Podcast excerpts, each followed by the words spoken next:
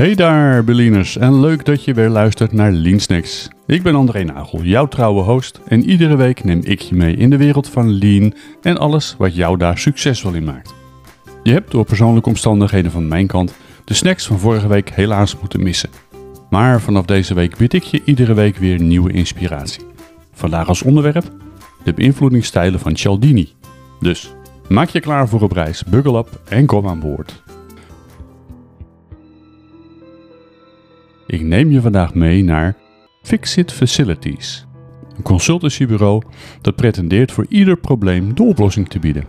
Die slogan levert een breed scala aan vragen en opdrachten op en de vraag is maar of ze al die verwachtingen kunnen waarmaken.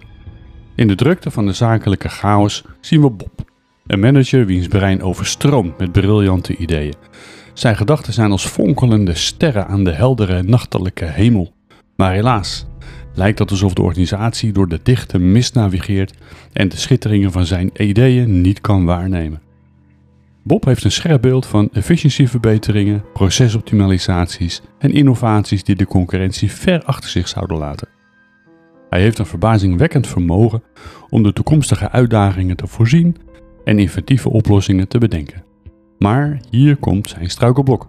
Zijn talent om anderen te overtuigen van zijn visie is niet op hetzelfde niveau als zijn creatieve brein.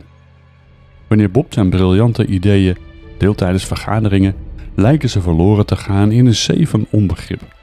Zijn teamleden staren hem aan alsof hij een geavanceerde wiskundige formule probeert uit te leggen aan een groep kleuters.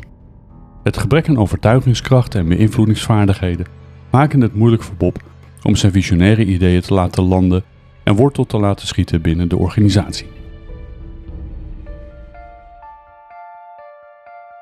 Maar wat als Bob de geheime sleutels tot beïnvloeding in handen zou krijgen? Wat als hij ontdekt hoe hij zijn ideeën op harmonieuze wijze in het organisatielandschap kan planten? Ga met ons mee op een verhelderende reis terwijl we onderzoeken hoe de beïnvloedingsmeester Robert Cialdini Bob kan helpen om zijn organisatorische symfonie te dirigeren en zijn briljante ideeën tot bloei te brengen. Robert Cialdini is in de westerse wereld de standaard als het gaat om beïnvloeding. Aanvankelijk zes, maar inmiddels aangevuld met een zevende, heeft hij deze beschreven als Principles of Persuasion. Wat mij betreft zijn dat een must-read als je jouw skills om te overtuigen wilt verbeteren. Maar wat zijn nu die zeven principes? Nou, ik som ze even voor je op uh, en daar zullen we er later een paar van uitdiepen. Schaarste, wederkerigheid, consistentie, consensus, sympathie, eenheid en autoriteit. Even in het kort deze principes toegelicht. Schaarste. Je hebt het vast wel eens meegemaakt. Je komt op een website met een leuke aanbieding voor een dienst of een product. En vrij prominent zie je een knop met de tekst zoals Reageer nu, deze aanbieding is nog maar één dag geldig. Of op een hotelsite zie je jouw ideale hotel waar fijntjes wordt vermeld dat er nog maar twee kamers beschikbaar zijn. Los of je het zelf kunt controleren, je bent vrijwel direct getriggerd om een aankoop te doen. Tegen die impuls op zich ben je kansloos. Gelukkig zijn we vaak slim genoeg om onze impulsiviteit te beheersen voordat we tot een definitieve aankoop overgaan. Wederkerigheid, de tweede, is het principe van ik heb iets gekregen en nu moet ik toch iets terug doen. Ook dit principe zien we vaak weer terug in marketing. Je hebt het vast wel eens gratis een e-book mogen ontvangen die voor jou erg waardevol was.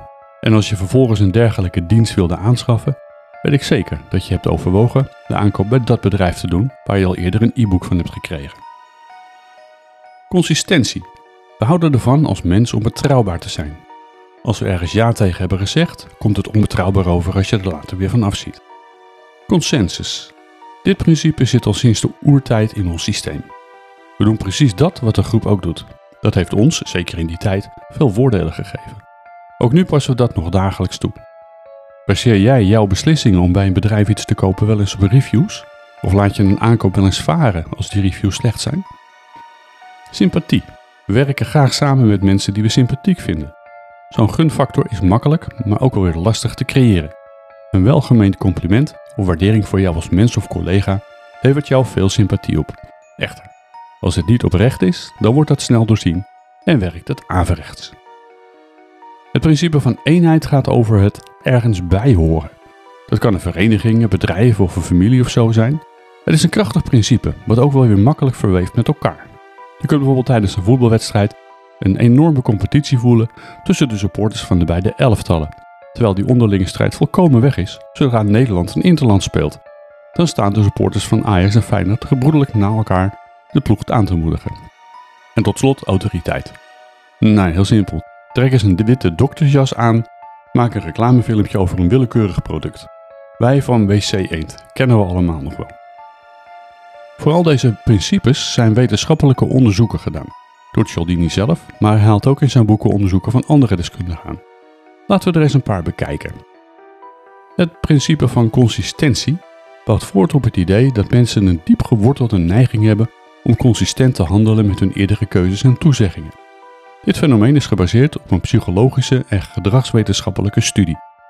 Het principe van consistentie wordt vaak geïllustreerd met het voet tussen de deur experiment. In het klassiek onderzoek vroegen onderzoekers mensen in een wijk of ze een kleine, onopvallende raamsticker wilden plaatsen met de tekst Rij veilig. Veel mensen stemden daarbij in. In een ander deel van de wijk werden bewoners gevraagd om een groot en opvallend bord in de voortuin te plaatsen, met erop dezelfde tekst Rij veilig. Daar was veel weerstand tegen en vrijwel geen deelname. In het vervolgonderzoek benaderden de onderzoekers dezelfde mensen die eerste wijk weer met een vraag en deze keer was het verzoek iets groter. Ze vroegen of er een iets groter bord met de tekst veilig in de voortuin mocht worden geplaatst. Opmerkelijk genoeg waren meer mensen bereid om het grotere bord te plaatsen nadat ze eerder hadden ingestemd met het kleine verzoek. En tot slot de derde vraag om een mega groot opvallend bord met de tekst Rij veilig te kunnen plaatsen in diezelfde wijk. De bereidheid om mee te werken was aanzienlijk groter dan in de wijk waar alleen de vraag om het grote bord was gesteld. Deze bevindingen illustreren het principe van consistentie. Zodra mensen een kleine toezegging doen of instemmen met een klein verzoek, voelen ze een innerlijke druk om consistent te handelen met de initiële beslissing. In het geval van het onderzoek waren mensen eerst consistent met die kleine vraag, wat hen meer bereid had gemaakt om later in te stemmen met een grotere vraag. Je had immers al ingestemd dat je veilige rijden belangrijk vindt. Cialdini benadrukt het principe wijdverbreid en in vele verschillende contexten kan worden toegepast, variërend van marketing tot sociale beïnvloeding. Het benutten van consistentie als strategie voor beïnvloeding impliceert dus vaak het verkrijgen van kleine toezeggingen of overeenkomsten voordat het grotere verzoek wordt gedaan. Het idee is dat mensen eerder geneigd zijn om ja te zeggen op basis van hun eerdere ja of toezegging. Schaarste wordt door Cialdini ook onderbouwd met verschillende wetenschappelijke onderzoeken. Het principe van schaarste is gebaseerd op het idee dat mensen meer waarde hechten aan dingen die moeilijk verkrijgbaar zijn of waarvan de toegang beperkt is. Dit fenomeen wordt ondersteund door verschillende studies binnen de sociale psychologie. Hier zijn een aantal aspecten van het principe van schaarste en de wetenschappelijke basis daarvan. De psychologische reactie op verlies. Mensen ervaren vaak een intenser gevoel van verlies dan van winst. Wetenschappelijke studies, zoals die van Daniel Kahneman of Amos Tversky, tonen aan dat verliesaversie een krachtige psychologische drijfveer is. Het principe van schaarste maakt gebruik van deze reactie op verlies door de perceptie van verlies te benadrukken als de toegang tot iets beperkt is. Onderzoek, waaronder het werk van Virtual Lee en Edowell in 1975 over het Scarcity Principle, heeft aangetoond dat de perceptie van schaarste de waarde van een object kan verhogen. Wanneer mensen geloven dat iets zeldzaam of moeilijk verkrijgbaar is, zijn ze eerder geneigd het als waardevoller te beschouwen. Het principe van schaarste kan ook gerelateerd zijn aan de angst voor verlies van vrijheid. Onderzoek, zoals dat van Jack Brame uit 1966 over de reactance theory, suggereert dat mensen negatief reageren op de dreiging van verlies van keuzevrijheid. Als toegang tot iets beperkt lijkt, kan dit leiden tot een grotere wens om het beperkte item te verkrijgen. Ook het werk van onder andere Stephen in 1975 heeft aangetoond dat concurrentie de perceptie van schaarste kan vergroten. Wanneer mensen geloven dat anderen ook geïnteresseerd zijn in hetzelfde beperkte aanbod, neemt de waarde en het verlangen naar het aanbod toe. In marketing en sales wordt het principe van schaarste vaak toegepast door de beperkte beschikbaarheid van producten of aanbiedingen te benadrukken. Dit kan variëren van beperkte oplagen producten tot tijdgebonden kortingen. Het doel om een gevoel van urgentie te creëren en de besluitvorming te beïnvloeden door het perceptie van schaarste. Het principe van schaarste wordt ook nog versterkt door het zogenaamde Fear of Missing Out of FOMO-principe. FOMO is een psychologisch fenomeen waarbij mensen angst ervaren om iets te missen wat anderen wel ervaren of bezitten. Het vloeit voort uit de sociale natuur van mensen, waarbij de behoefte aan verbondenheid en de angst voor sociale uitsluiting een grote rol speelt. In combinatie met schaarste werkt FOMO als een krachtige motivator voor gedrag. Er zijn een paar aanvullende punten die de relatie met schaarste en FOMO benadrukken. Mensen vergelijken zich vaak met anderen in hun sociale kring. Als anderen iets bezitten of ervaren wat als schaars wordt beschouwd, kan dit een gevoel van competitie en de angst om buitengesloten te worden veroorzaken. Het hebben van iets wat schaars wordt beschouwd kan een sociale bevestiging bieden. Mensen willen ook graag deel uitmaken van een groep die iets bijzonders heeft. Dit versterkt het verlangen om deel te nemen aan activiteiten of bezittingen die als beperkt worden gezien. En in de moderne wereld, waarbij social media een grote rol speelt, wordt FOMO vaak versterkt door constante blootstelling aan ervaringen van anderen.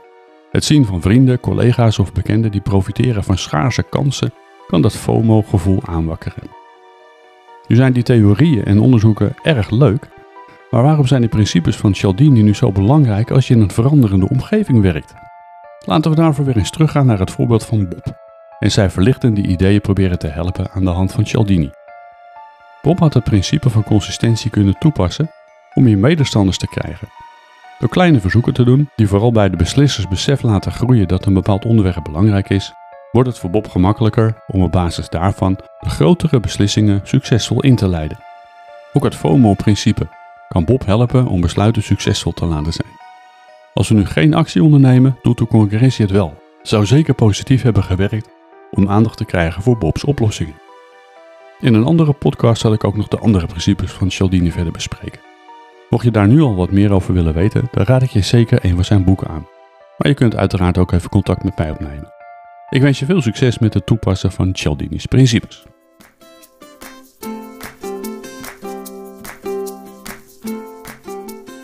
Dankjewel voor het luisteren naar deze Lean Snack. Stem iedere dinsdag en donderdag weer af op deze korte Lean inspiraties. Vond je dit leuk en ben je geïnspireerd geraakt? Abonneer je dan en laat een leuke review achter op het platform waar je deze podcast luistert. Daarmee help je anderen om deze podcast te vinden en help je mij om nog meer mensen te inspireren. Voordat we afscheid nemen, nog even dit. Ben jij geïnspireerd geraakt door het lean denken en wil je graag de volgende stap zetten? Dan heb ik goed nieuws voor jou. Ik bied niet alleen deze podcast aan, maar ik bied ook een scala aan diensten die jou helpen bij het implementeren van lean in jouw organisatie. Dus of je nu op zoek bent naar lean training voor jezelf of je team, behoefte hebt aan lean coaching, of de lean filosofie wilt implementeren in jouw organisatie, of sterker wilt worden op het gebied van leiderschap, kijk dan op de site leaniq.nl. Daar lees je hoe lean en secure-based leiderschap een ijzersterke combinatie vormen. Heb je een vraag voor of over deze podcast? Kijk dan op leanpodcast.nl of stuur een mailtje naar snacks.leanpodcast.nl. Nogmaals, bedankt voor het luisteren en bedenk, de weg naar verbetering gaat met kleine lean stapjes tegelijk.